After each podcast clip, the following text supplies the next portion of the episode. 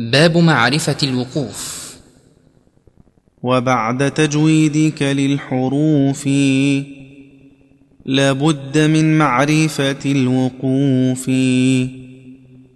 والابتداء وهي تقسم اذا ثلاثة تام وكاف وحسن. وهي لما تم فإن لم يوجد تعلق أو كان معنى فابتدي.